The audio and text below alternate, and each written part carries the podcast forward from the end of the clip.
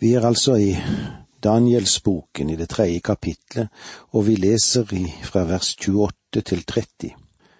Da tok Nedbukaneser til orde og sa, Lovet være Shadraks, Mesjaks og Ab Abednegos Gud, som sendte sin engel og frelste sine tjenere. De satte sin lit til ham og gjorde ikke som kongen bød. De våget livet for å slippe å dyrke eller tilbe noen annen gud enn sin egen. Nå gir jeg dette påbud. Om de alle folk og stammer med ulike språk er noen som taler foraktelig om Shadrach, Mesjaks og Abed-Negos gud, skal han hogges i stykker.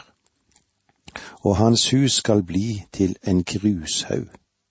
For det finnes ingen annen gud som kan frelse slik og kongen ga Shadrach, Mesja, Abednego stor makt i provinsen Babylon. Det er ikke noe personlig i det Nebukadneser uttrykker her, men det han gjør, han anerkjenner makten og storheten i den levende Gud og hans kraft til å utfri disse tre mennene. Han erkjenner at deres Gud står over hans egen. Dette er Nebukadnesers overbevisning. I det neste kapitlet kommer vi til å lese hans personlige vitnesbyrd angående sin omvendelse. Jeg tror at han kom til en frelsende kunnskap om, om, den levende og sanne Gud. Det tok denne mannen lang tid å bevege seg fra det hedenskap som han var gjennomsyret av, og sitt eget ønske om selv å være god. Så nå befinner disse tre judeerne seg igjen i Nebukanesers gunst. To ganger hadde de dødsdommen hengende over seg, og to ganger er de blitt utfridd på en forunderlig måte. Og to ganger, ja, to ganger er de blitt forfremmet. På samme måte er den Herre Jesus Kristus i stand til å bevare sine egne i denne verden i dag og det burde være trøsterik for oss alle sammen med den tanke som ligger i dette. Du vet, han sa i Johannes 10, 28 og 20, nei, 27 og 28. Mine sauer hører min røst. Jeg kjenner dem, og de følger meg. Og jeg gir dem evig liv, de skal aldri i evighet gå tapt, og ingen skal rive dem ut av min hånd. Og så står det òg i Johannes 17, 11. Jeg blir ikke lenger i verden, men de er i verden, og jeg går til deg. Hellige Far, bevar dem i ditt navn, det navn du har gitt meg, så de kan være ett, like som vi er ett. Og så fortsetter han, jeg ber ikke om at du skal ta dem ut av verden, men at du skal bevare dem fra det onde. Og i Hebrevbrevet leser vi slik:" Derfor kan han også fullt og helt frelse dem som kommer til Gud ved ham, fordi han alltid lever og går i forbønn for dem. Og la oss eh, ta med litt av det som Paulus skrev. Derfor er det jeg lider, men jeg skammer meg ikke, for jeg vet på hvem jeg tror. Jeg er på at han har makt til å ta vare på det som er overgitt meg, helt til den dagen kommer. Du og jeg, vi lever i en verden i dag som kommer til å gjøre det slik at vi vil ha prøvelser. Om noen av Guds barn blir både bokstavelig og i overført betydning kastet i den brennende ovnen, er han i stand til å bevare dem også der, og han er i stand til å føre dem ut av den. Vi må vel dessverre bekjenne at vi mange ganger ikke stoler fullt og helt på Han som er Herre og Mester over alle disse tingene. Det er godt å vite at vi er i Frelserens hender, på samme måte som de tre unge hebreerne hadde fått lov til å oppleve. Og eh, det er godt å tro på den Herre Jesus Kristus. Vi har nå gått igjennom det tredje kapitlet. Vi går inn i det fjerde kapitlet, og her kan vi vel se og sette som hovedoverskrift Nebukadnesers drøm om et stort tre som ble hugget ned til en stubb. drømmen fullbyrdet i den etterfølgende periode da kongen var sinnslidende. Dette kapitlet som vi nå er kommet inn i, vil gi oss atskillig mer informasjon angående kong Nebukadneser enn det vi har hatt tidligere. Faktisk var det i familien en svakhet, noe som de ikke talte så veldig høyt om. Nebukaneser led av en form for sinnssykdom. Dette kapitlet er et blad fra historien tatt fra Babylons arkiver. Nebukadnesers form for sinnslidelse er ganske godt kjent i dag, og det er noe som flere av verdens herskere har lidd av. I vår tid er det stor oppmerksomhet omkring det mentale som finnes i sykdomsverden, og eh, forskjellige former for abnorm atferd. Og av og til kan vi kanskje undre på hvem som er normal i den vanvittige verden vi lever i. En eh, psykolog kan sikkert fortelle deg at de fleste mennesker på kloden er normale, men eh, så har vi de andre, da. Noen få ligger over det normale, og de får jo status som genier. Hvem vil da kunne fortelle oss hvem som er normal og hvem som ikke er normale?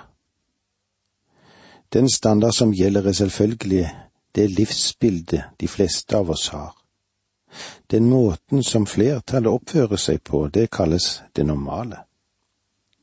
Og eh, så er det slik at når noen bryter vesentlig ut fra denne rammen, så er de atypiske, og eh, kanskje virker noe merkelige.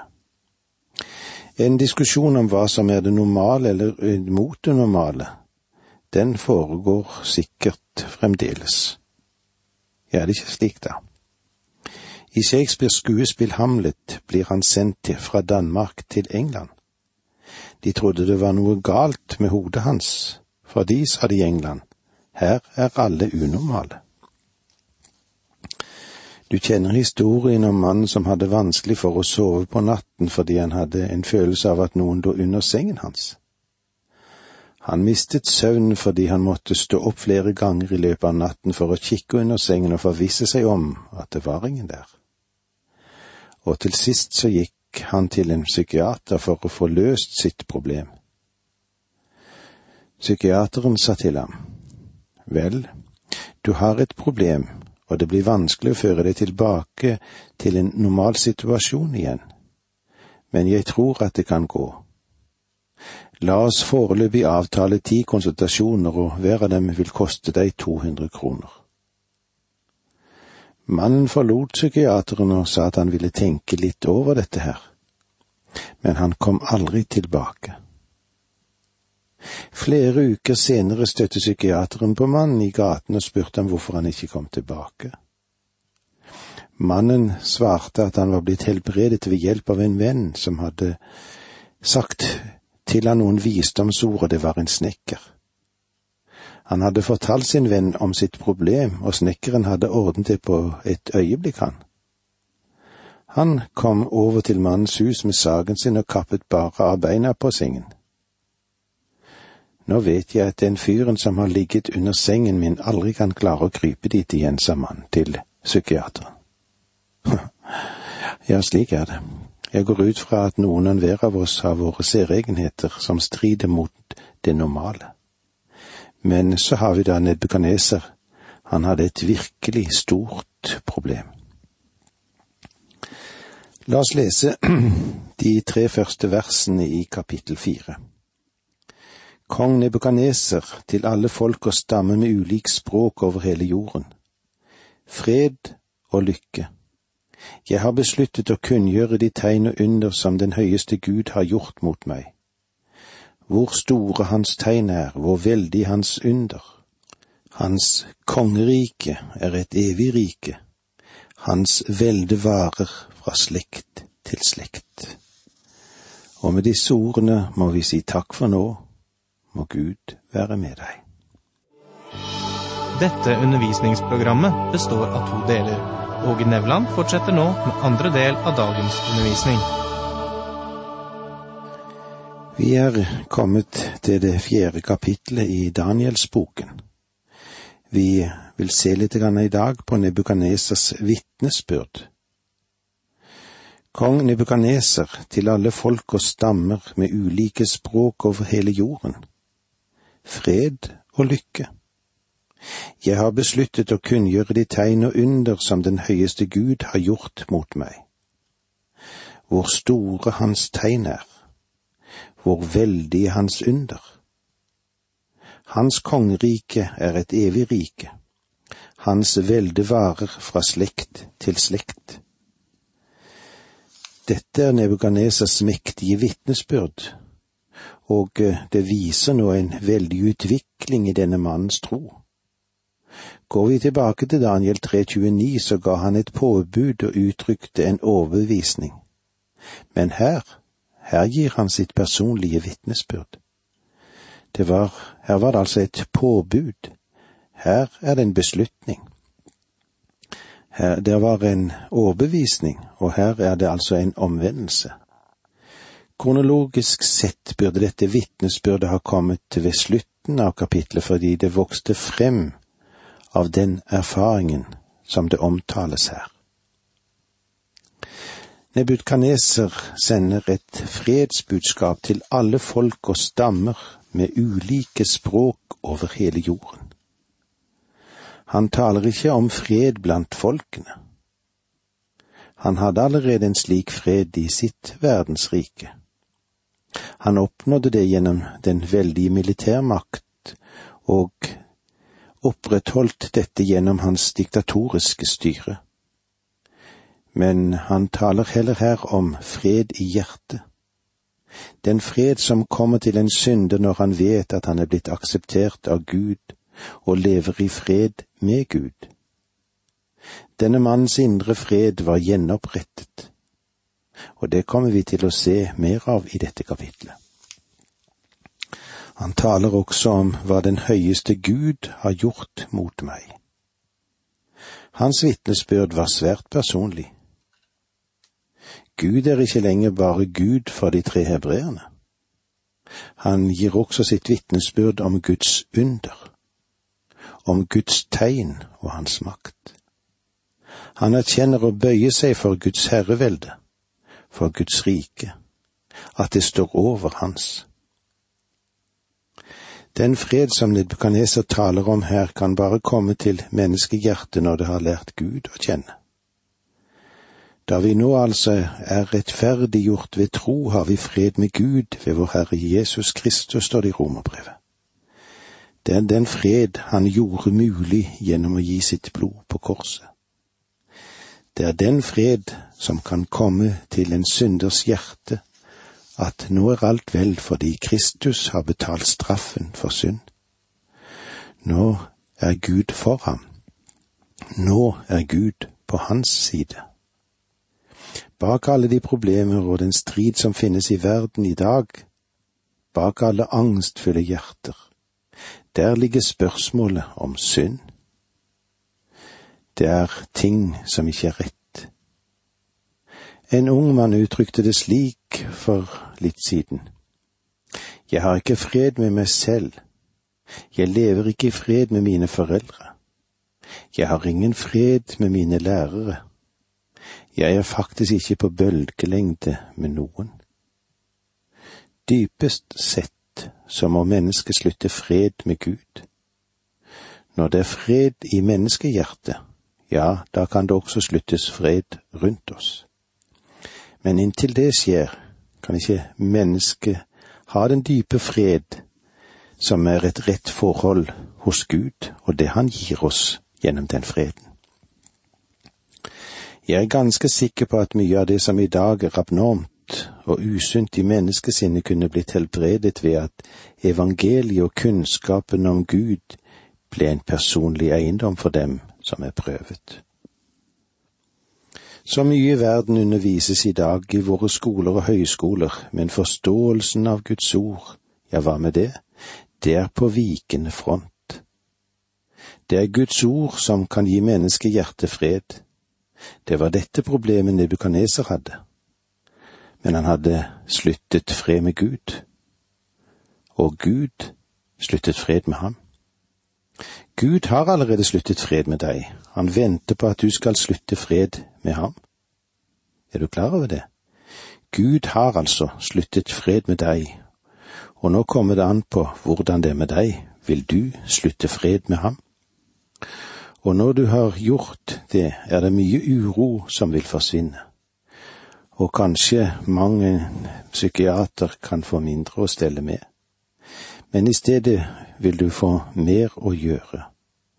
For en levende kristen, han vil være i aktivitet for å gjøre noe for sin mester og herre. Nedbukaneser har en drøm om et tre. Vi møter det første symptom på Nedbukanesers form for vanvidd i vers fire. La oss lese dette verset. Jeg, Nedbukaneser, levde sorgløst i mitt hus, satt frisk og glad i mitt slott. De personlige pronomene her, jeg, mitt, er allerede brukt tre ganger bare i dette ene verset. Du finner dem sikkert tre ganger i hvert eneste vers fra vers fire til og med vers ti. Nebukaneser var sykelig opptatt av seg selv. Skal vi lese vers fire en gang til? Jeg, Nebukaneser, levde sorgløst i mitt hus, satt frisk og glad i mitt slott. I vers fem leser vi slik. Da hadde jeg en drøm som gjorde meg redd jeg ble skremt av tankene jeg fikk, av synet jeg hadde i mitt indre mens jeg lå på mitt leie. Det hele her dreier seg om meg og mitt. Versene seks til ni.